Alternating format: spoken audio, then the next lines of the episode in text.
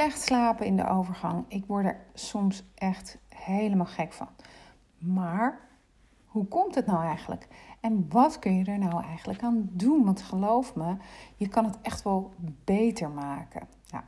De overgang, hè, ook wel de menopauze genoemd, dat is een fase in ons leven uh, die gepaard gaat met allerlei soorten klachten. Fysiek, uh, gewrichtsklachten, uh, zwaardere menstruaties, kortere cycli, um, meer buikpijn, minder bloedverlies, langere tijd tussen je cycli. Um, en die, al die veranderingen die kunnen een enorme impact maken op je dagelijks leven. Vooral, vind ik persoonlijk, de kwaliteit van je slaap. Nou, in deze podcast bespreek ik de relatie tussen de overgang en je slaap. En ga ik je uiteraard wat tips geven. Uh, mijn naam is Martine Trouw. Ik ben ortomoleculair therapeute, ortomoleculair darmtherapeute. En uh, ik zit in de overgang. En ook ik slaap niet zoals ik dat graag zou willen. Maar ik heb er ondertussen al een heleboel aan veranderd, waardoor het in ieder geval wel beter is geworden. Ik heb zelf um, minder klachten, niet heel veel klachten. Ik wil in een periode, een aantal jaren geleden, uh, waarin ik veel bloedverlies had, echt een ijzertekort gehad, waardoor ik mezelf de trap niet meer op kon hijzen. Dus zodra je dat probleem hebt, zorg dat je naar de huisarts gaat. Zorg dat je je bloed laat prikken en laat je checken op ijzer. Want dat is een van de meest voorkomende uh, problemen, denk ik. En verder valt het eigenlijk wel mee, behalve het slapen. Nou, uit een uh, onderzoek kwam een hele interessante informatie kwam eruit over de vrouw en haar cycli. En daaruit blijkt dat een heleboel vrouwen gedurende een paar dagen voor hun menstruatie tot een paar dagen na hun menstruatie, dat ze gewoon slechter slapen. Dat ze langer liggen te woelen voordat ze in slaap komen. Dat ze ook nog eens een keer vaker wakker worden. Nou, op het moment, ik weet niet of jullie dit herkennen, dat je in de overgang zit. Want ik hoor al die verhalen op social media over volg de fases van je cyclus. De lente, de zomer, de herfst en de winter. Nou echt, ik weet af en toe niet meer uh, in welke volgorde het is. Soms is het winter, lente, herfst, uh, nog een keer winter en dan weer uh, lente, zomer. Want in die overgang gaat het soms compleet door de bar. Maar het gaat wel om je hormonen. Het gaat er wel om dat je een nieuw evenwicht moet vinden in die hormonen. Een van de eerste dingen die ik vrouwen die in mijn praktijk komen met hormonale klachten, met of, uh, premenstrueel syndroom of met overgangsklachten, die ik ze aanraad, is zorg dat je een app hebt waarin je je cyclus bij kan houden. Ik heb zelf Maya. Ik vind het een hele fijne app. Um, dat, volgens mij is het gewoon M-A-J-A. Kan ook M-A-Y-A zijn. En daarin houd ik gewoon bij waarin ik zit in mijn cyclus. Nu ben ik 51 jaar en ik heb nog steeds een hele regelmatige cyclus. Die ligt nog steeds zo rond de 28 dagen. Soms is hij een paar dagen langer. Heel soms is hij wat korter. Um, maar hij is eigenlijk nog vrij regelmatig. Nou, het enige wat ik dan maar tegen mezelf zeg: Kind, je bent nog zo vitaal. Je wordt nog steeds ongesteld. En nou ja, zo haal ik er dan zeg maar de voordelen nog van. Maak ik er wat positiefs van. Want oh, ik zou het toch ook best wel lekker vinden als het een keertje afgelopen is. Want het is toch best wel een heisa. Nou, hoe komt het nou eigenlijk hè, dat die hormonen zo'n impact hebben? En ik ga je er een aantal met je bespreken.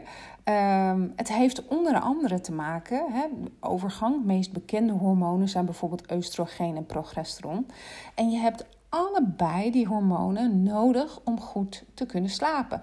Maar dat lukt alleen als je ze in de juiste verhouding in je lichaam hebt. Net als die darmflora, hè, ook wel eens over gehad, gaat het om de balans. Je kan best wat slechte bacteriën hebben of je kan uh, best wat meer oestrogeen hebben als de balans tussen de twee gewoon maar goed is. Als je ook maar wat meer progesteron hebt of als je ook maar wat meer eh, voldoende goede darmbacteriën hebt. Het, het, het, hele lichaam, het hele leven draait eigenlijk om de optimale balans die je moet zoeken. Nou, tijdens je cyclus gaat die verhouding die verandert de hele tijd. Daarom heb je ook uh, uh, soms ontzettende trek. Uh, word je een beetje insulineresistent tijdens je cyclus. Met name op dag 1 en 2 en 20 en 21. Daarom ook niet verstandig om dan op die dagen heel stevig te gaan vasten. Want de kans dat je uit de bocht vliegt is dan echt wel groter. En um, je progesteron die stijgt na je ijsprong. En die progesteron die zorgt nou juist voor je diepe herstelslaap. Maar hij zorgt er ook voor dat je je steeds vermoeider gaat voelen als je verder in je cyclus zit. Nou, en dan vlak voor je menstruatie, dan daalt hij weer. En dat zou er dan dus voor kunnen zorgen dat je moeilijker in slaap valt, dat je onrustig bent. Maar wat gebeurt er tijdens die overgang? Progesteron die wordt steeds minder, minder, minder. Dus dat is hartstikke leuk als je jong bent. Dan heb je inderdaad nog een beetje dat heen en weer verhaal. Hè, dat die op een gegeven moment weer vanzelf omhoog gaat. Maar bij ons, vrouwen van zo in de 40, 50, wordt het gewoon minder. Nou, en dan heb je, dus dan, dat betekent dus ook dat je, dus, dat je je vermoeider zult voelen. En waar je je voorheen misschien de week voor je menstruatie nog moe voelde, kan het zomaar zijn dat je je nu de week voor je menstruatie moe voelt, dat je je tijdens je menstruatie moe voelt en dat je je na je menstruatie nog een keer een week moe voelt. En dat je eigenlijk nog maar een week in de maand je wel goed voelt. En het zorgt er dus voor hè, dat die, doordat dat progesteron daalt, dat je dus ook onrustiger slaapt. Dat is waar ik zelf vooral last van heb. En omdat ik het bijhoud in die app, kan ik eigenlijk precies aangeven wanneer dat, uh, wanneer dat gaat gebeuren. En het gek is bij mij juist dat het dus in die tweede helft, hè, waarin het eigenlijk zou moeten stijgen, maar het dus kennelijk niet meer zodanig doet, dat ik dan dus slechter ga slapen. Nou, dan heb je oestrogeen en dat zorgt ervoor dat je lekker gaat dromen, dat je die remslaap hebt. En die fase, die is weer heel belangrijk om alle indrukken die je tijdens de dag hebt gehad, alle emoties die er voorbij zijn gekomen, om die te verwerken. En dan kan je ook weer je geheugen, hmm, oké, weer een puntje van herkenning, je geheugen, hè, dat wordt dan ook weer een beetje opgelapt. Zou het kunnen dat wij daar ook wat last van hebben? Uh, ik, ik wist toevallig van de week niet eens meer de naam van uh, de hond van mijn vriendin, die ik toch echt, nou, dagelijks ongeveer tegenkom. Ik kon, ik kon er niet meer op komen. Maar goed.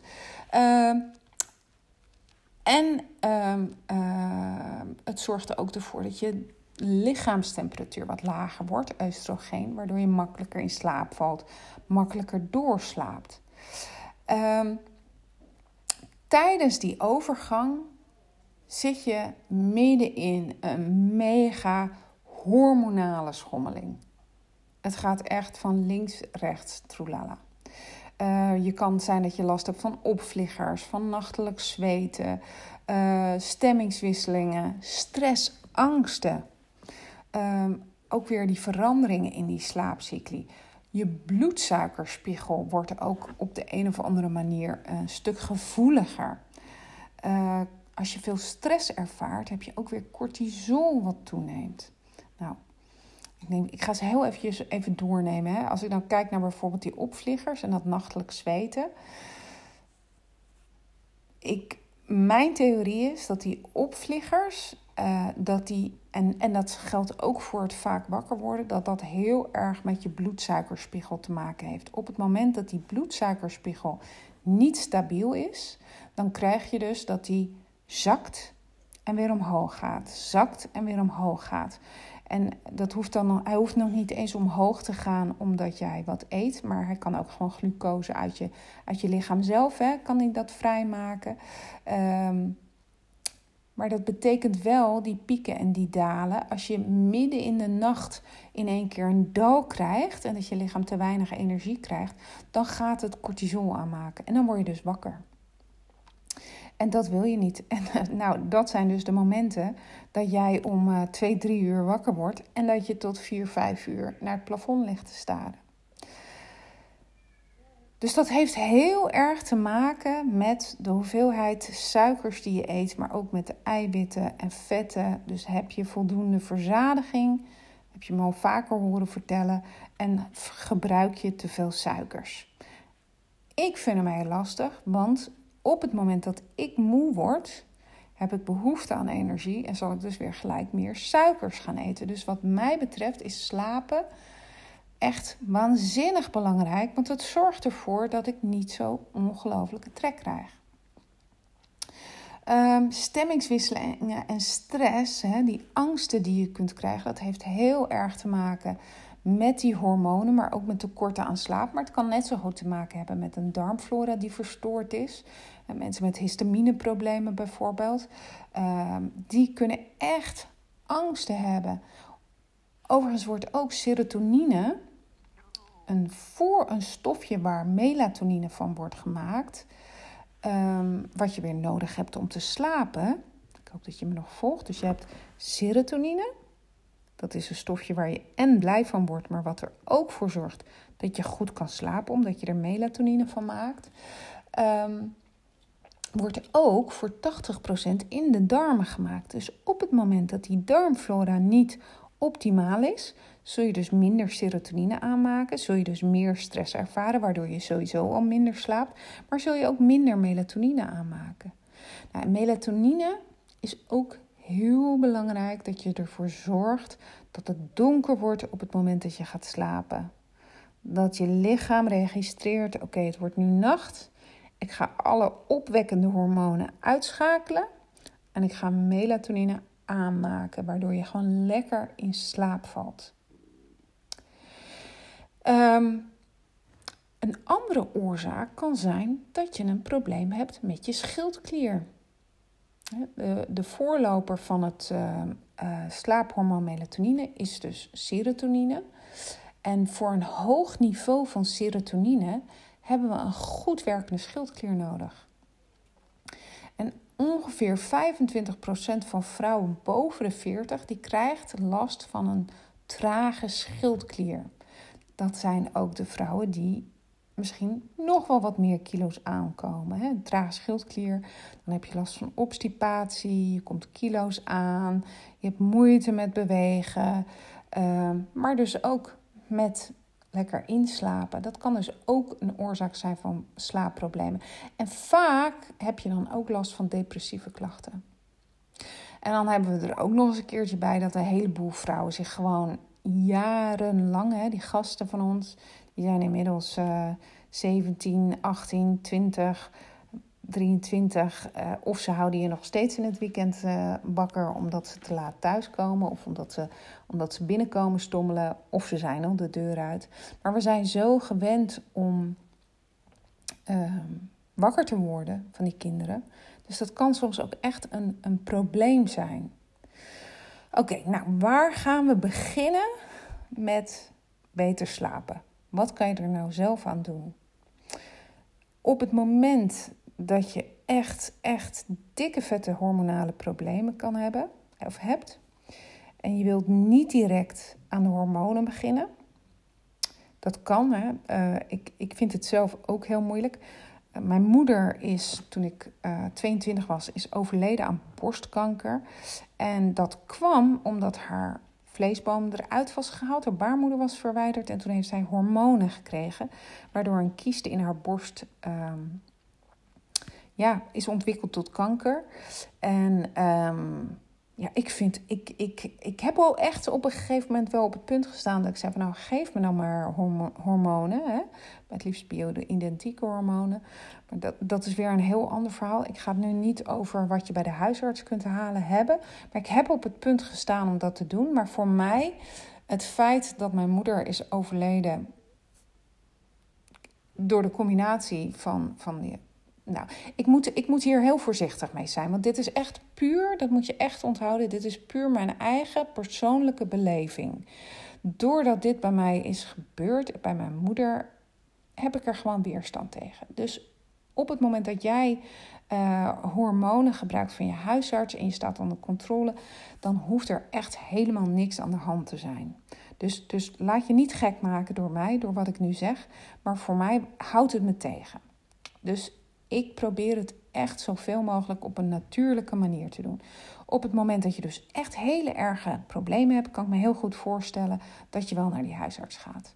Maar het kan dus ook zijn dat je zegt: Oké, ik wil het op een natuurlijke manier oplossen en ik wil weten waar ik sta. Nou, wat ik dan bij vrouwen in mijn praktijk doe, is dat ik een hormoonprofiel laat aanmaken. Dan gaan we ook kijken naar hoe staat het met je cortisol, hoe staat het met je oestrogeen, je progesteron. Um, dus we kijken eigenlijk het hele plaatje. Werkt dat cortisol nog in de ochtend? Hè? In de ochtend sta je op, dan moet je aan, dan moet je cortisol hoger zijn. Uh, of ligt het soms op zijn gat? hoe is de verhouding, hè, die balans tussen progesteron en oestrogeen. En daar ga je dan mee aan de slag. En er zijn een aantal um, supplementen die je daarvoor in kan zetten. Er zijn uh, homeopathische middelen die je daarvoor in kunt zetten. Maar er zijn ook hele uh, makkelijke dingen die je gewoon zelf kunt doen. En we weten ze allemaal natuurlijk echt al lang, hè? Maar ja, je moet het echt wel doen. En dat is dan weer afhankelijk van hoe erg is jouw slaap dan? Hoe, hoe erg zijn jouw problemen? En wat mij betreft uh, is slapen, is naast, naast voeding, naast bewegen uh, en naast, ja, het is een onderdeel van de rust, hè, van de ontspanning die je, die je moet pakken op een dag. Oh, is het zo onwijs belangrijk. Nou, wat doe ik zelf bijvoorbeeld eraan om, uh, om goed te slapen? Ik, ik maak mijn lichaam in ieder geval duidelijk: oké, nu is het nacht en nu is het dag. Dus dat doe ik door in de ochtend naar buiten te gaan. Ik ga niet moeilijk doen. Zoals je uh, allemaal mensen ziet doen, dat je bij zonsopgang naar de uh, zonsopkomst moet gaan kijken, die dan om vijf uur ochtends plaatsvindt, of dan is het weer bewolkt. Of dat hoeft echt niet. Weet je, laten we het onszelf niet te moeilijk maken. Laten we gewoon, laten we gewoon beginnen bij wat haalbaar is. Hè, uh, ik, ik heb een hond, dus dat scheelt. Dat maakt het voor mij heel makkelijk. Ik ga in de ochtend, loop ik een half uur, drie kwartier, loop ik met de hond buiten.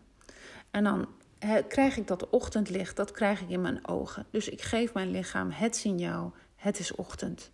Tijd om op te staan, tijd om de hormonen aan te maken die mij in actie zetten. Nou, s'avonds doe ik het omgekeerde. Uh, ik had mijn gewone telefoon al beneden. Dus die laat ik, laat ik beneden liggen. Uh, maar ik had wel altijd nog een telefoon waar ik echt alleen maar... Een oude telefoon waar ik alleen maar de minimale dingen op had staan. Dus dan had ik bijvoorbeeld mijn meditatie-app had ik erop staan.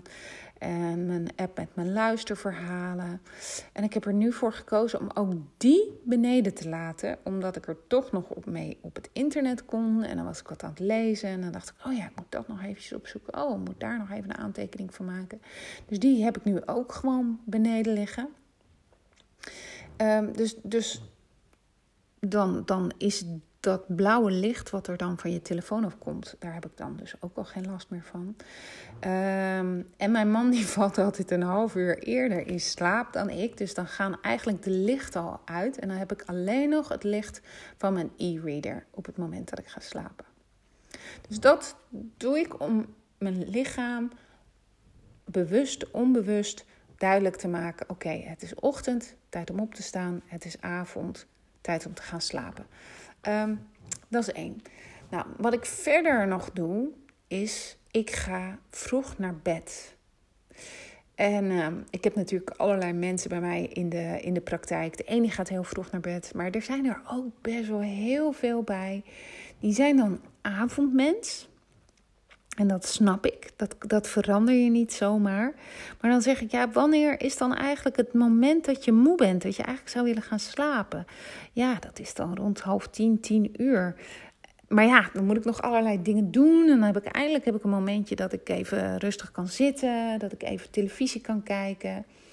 En dan gaan ze dus om half twaalf pas naar bed toe. Ja, dat, dat is natuurlijk prima op het moment dat het werkt. Maar op het moment dat jij ook nog eens een keertje slecht slaapt, dan word je eigenlijk steeds vermoeider. Wat voor mij dus echt super werkt, is dat ik uh, heel vroeg naar bed ga. Dus ik ga echt om, het liefst ga ik gewoon al om negen uur, kwart voor negen, dan ga ik al naar mijn bed toe. En dan hoop ik echt dat ik dan ook een leuk boek heb. Ik heb op het ogenblik weer allemaal leuke boeken om te lezen. En dan ga ik gewoon lekker in mijn bed liggen en dan kan ik lezen. En ja, ik, ik hou heel erg van lezen. Dus op het moment dat je dat niet zo van houdt, dan moet je iets anders gaan verzinnen.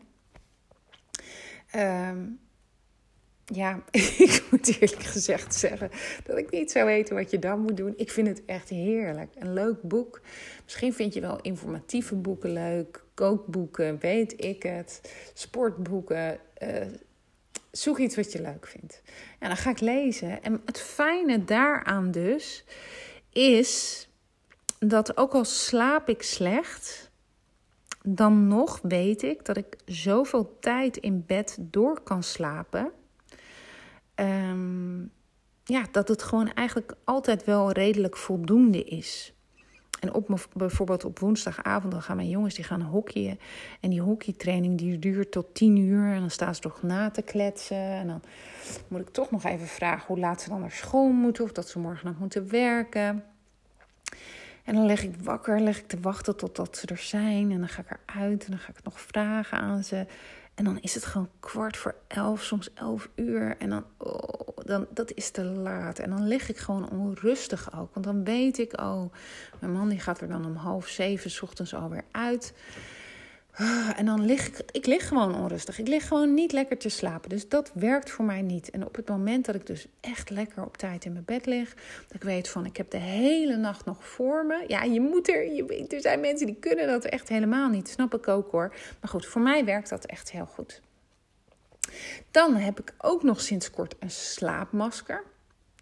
Een zijde slaapmasker, omdat ik merkte dat ik, mijn man heeft echt de hele foute gewoonte, maar ja, voor hem werkt het, zegt hij, uh, om als hij wakker komt te liggen, om dan op zijn telefoon te gaan zitten.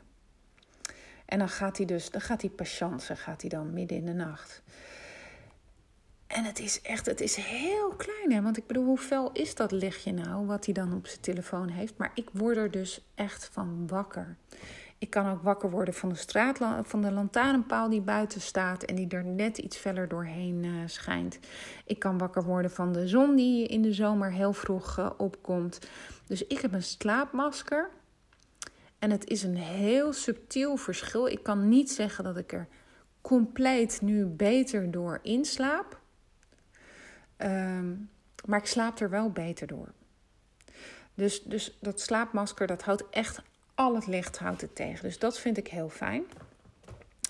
Um, oh ja, ook nog een hele goeie, wat ik dus ook doe, maar wat mij ook heel goed helpt om beter te slapen, is ik heb een ring, dat is een Aura ring, dat is O-U-R-A. En dat is eigenlijk hetzelfde als een Fitbit of een Apple Watch. Die houdt gewoon bij um, hoeveel stappen je zet op een dag, uh, hoe goed je slaapt, hoeveel je um, rust neemt, of je te vaak blijven zitten, hoe je ervoor staat. En hij meet ook je hartslag gedurende de nacht. En wat ik heb gemerkt, is dat op het moment dat ik zwaar eet s'avonds, of dat ik twee glazen alcohol drink, en ik kan me zo voorstellen dat dat voor koffie net zo geldt, dat mijn hartslag pas rond een uur of 4, 5 daalt. Dat wil dus zeggen dat ik pas echt tot rust kom 4, 5 uur in de ochtend. En dan heb ik nog maar 1, 2 uur om te slapen. Nou, dat is niet veel. Dus mm, sinds ik dat weet, uh, let ik er echt op dat ik niet te veel eet. Soms doe ik dat natuurlijk nog steeds. En ik ben ook echt significant minder alcohol gaan drinken. Dat is echt, ja, ik ben gewoon, ik dronk al niet heel veel. Ik dronk al misschien twee glaasjes of zo, misschien vier glaasjes dat ik wel eens dronk in de, in de week. Ik drink nu eigenlijk, nou, zal ik één glas drinken in de week, dan is het veel. Dus dat doe ik ook niet. Waar ik ook achter ben gekomen door die ring, is dat soms dan word ik veel wakker of ik lig lang wakker, maar dan blijk ik toch voldoende te hebben geslapen. En soms dan heb ik evenveel geslapen, maar dan ben ik niet zo vaak wakker geworden of zo. En dan, dan voel ik me goed. Maar als ik dan wel wakker heb gelegen en ik heb toch evenveel geslapen, of ik ben bijvoorbeeld uh, uh, het uur daarvoor wakker geworden, dan, dan voelde ik me eigenlijk, voordat ik dus die ring had, voordat ik kon zien dat ik evenveel geslapen had, voelde ik me in die nacht dat ik dan wakker had gelegen of, of vaak wakker was geweest, voelde ik me de hele dag een beetje flut. Terwijl op de nacht dat ik dus net zoveel had geslapen, maar bijvoorbeeld niet een uur van tevoren al wakker was geworden en weer in slaap gevallen was, voelde ik me goed. Dus even, ik hoop dat ik dit duidelijk overbreng. Dus ik sliep op alle twee die nachten sliep ik evenveel. Alleen de manier waarop, die was anders. Maar mijn ring, die geeft eigenlijk aan dat ik nog steeds dezelfde hoeveelheid heb geslapen. En, en dat ik eigenlijk er nog steeds goed voor sta. Ook op de dagen dat ik dat dus ja, in mijn gedachten niet, dat ik er niet zo goed voor stond. En daardoor heb ik me ook gerealiseerd dat het een kwestie is van een mindset. Van ehm, eh, eh, dat ik ook gewoon bij mezelf, dat ik mezelf ook een beetje gek kan maken met, oh, ik heb zo slecht geslapen en oh, hoe kom ik de dag door? Dat ik dus ook kan denken, oh, nou, mijn, uh, mijn aura-ring die zegt dat ik goed heb geslapen. dus dan zal het wel zo zijn. Uh, ja, en, en wat betreft die mindset, dat is dus, ja, die is zo belangrijk. En dat is een hele lastige hoor, want dat begrijp ik ook wel. We zitten met, met, met stress.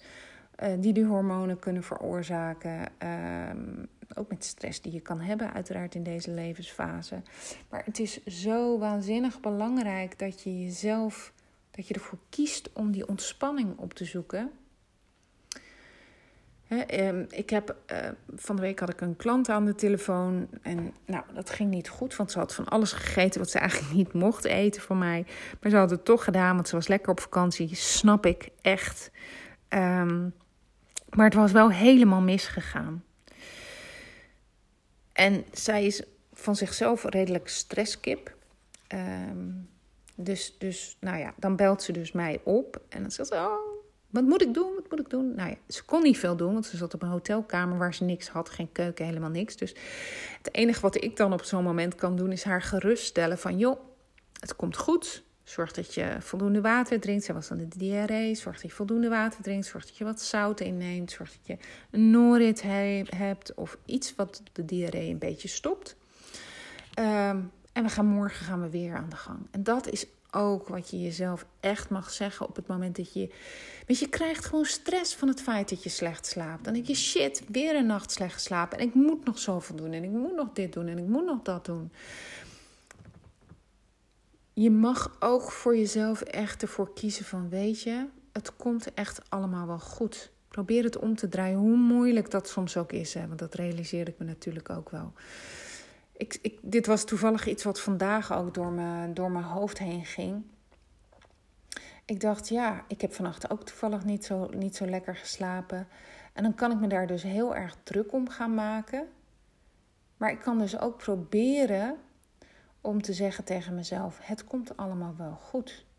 Ook op het moment dat ik elke keer wakker lig. Want, want door, door dan te denken, shit, ik ben weer wakker. Shit, ik ben weer wakker. Oh, hoe moet dat nou? En ik moet dit nog doen. En ik moet dat nog doen. En waarom ben ik nou weer wakker? Dat je zo de nacht doorkomt. En het is een inkop hoor, dames. Maar ik bedoel, we moeten af en toe moeten we echt een schop onder onze kont krijgen. Dat we dit toch echt wat vaker mogen doen. Dat we lief voor onszelf mogen zijn. Dat we er echt voor mogen kiezen om ons niet druk te maken. Dat het echt allemaal wel goed komt. Dat, dat, dat uh, je werk, als dat een dag is, een keertje niet allemaal gedaan is. Of niet helemaal perfect is. Dat het ook oké is. Ja, en dat je niet uh, de perfecte lunch nog uh, voor jezelf of voor je pubers of weet ik veel wat hoeft te maken. Dat het ook oké is.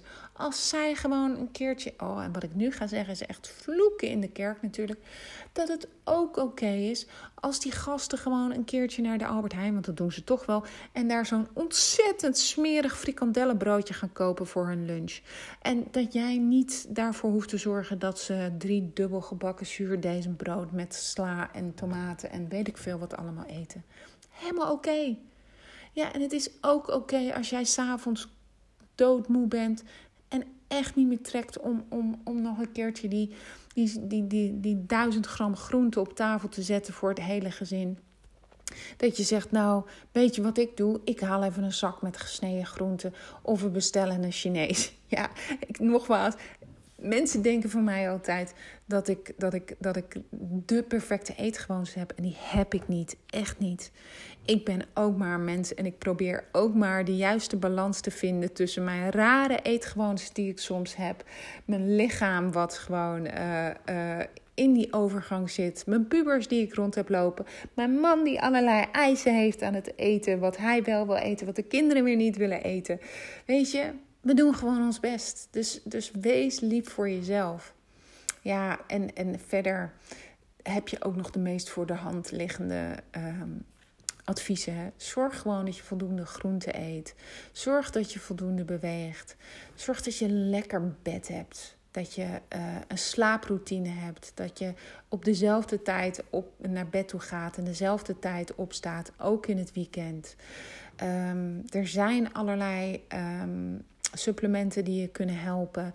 Magnesium is er natuurlijk eentje van. Waar hebben we toch wel een hoop uh, tekorten van. Überhaupt mineralen. Denk ik dat vrouwen die veel bloed verliezen, dus daar hoort ook ijzer bij, maar daar hoort ook magnesium bij.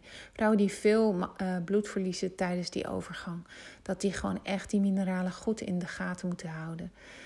Uh, een melatonine op zijn tijd is ook niet erg. En als het je helpt om te slapen, jongens. Ik heb ooit een keertje. Um, uh, mijn, mijn oudste zoon die kreeg tijdens een, toen hij jong was, kreeg hij ook melatonine. Omdat hij zo ontzettend slecht sliep.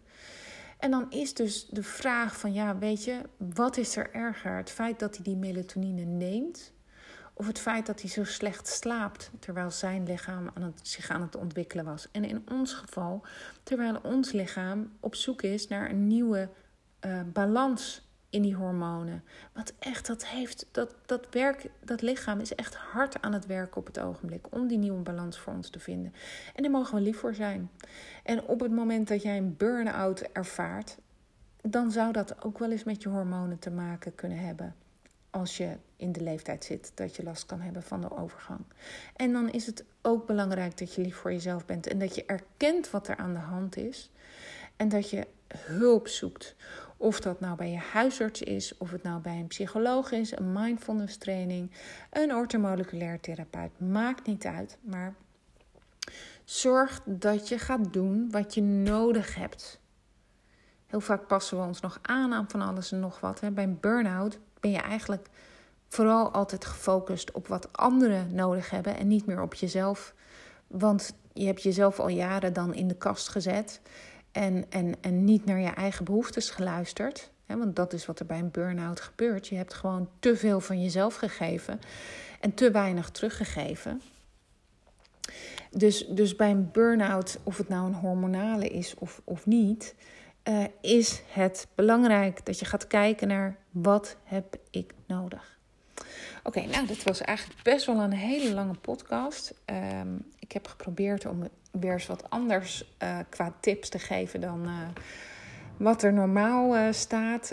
zorg voor een comfortabele slaapomgeving, een lekker matras, kussen. Hè? Zoek, zoek het maar uit. Je kan genoeg tips vinden op, op internet. Op het moment dat je nou denkt van... Uh, ja, ik zou eigenlijk wel wat hulp kunnen gebruiken bij die hormonen of bij je darmflora. Kijk dan eventjes op martinetrouw.nl en dan onder de menubalk daar zit een kopje gratis en daar staat gratis sessie.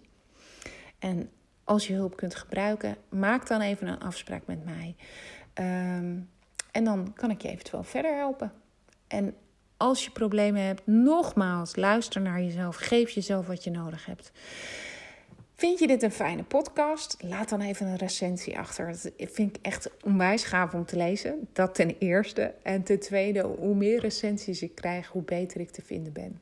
Ik wens je voor nu weer een hele fijne dag of een hele fijne nacht.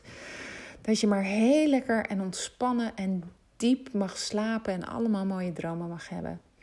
Uh, mijn naam is Martine Trouw, orthomoleculair darmtherapeute. En uh, tot de volgende keer.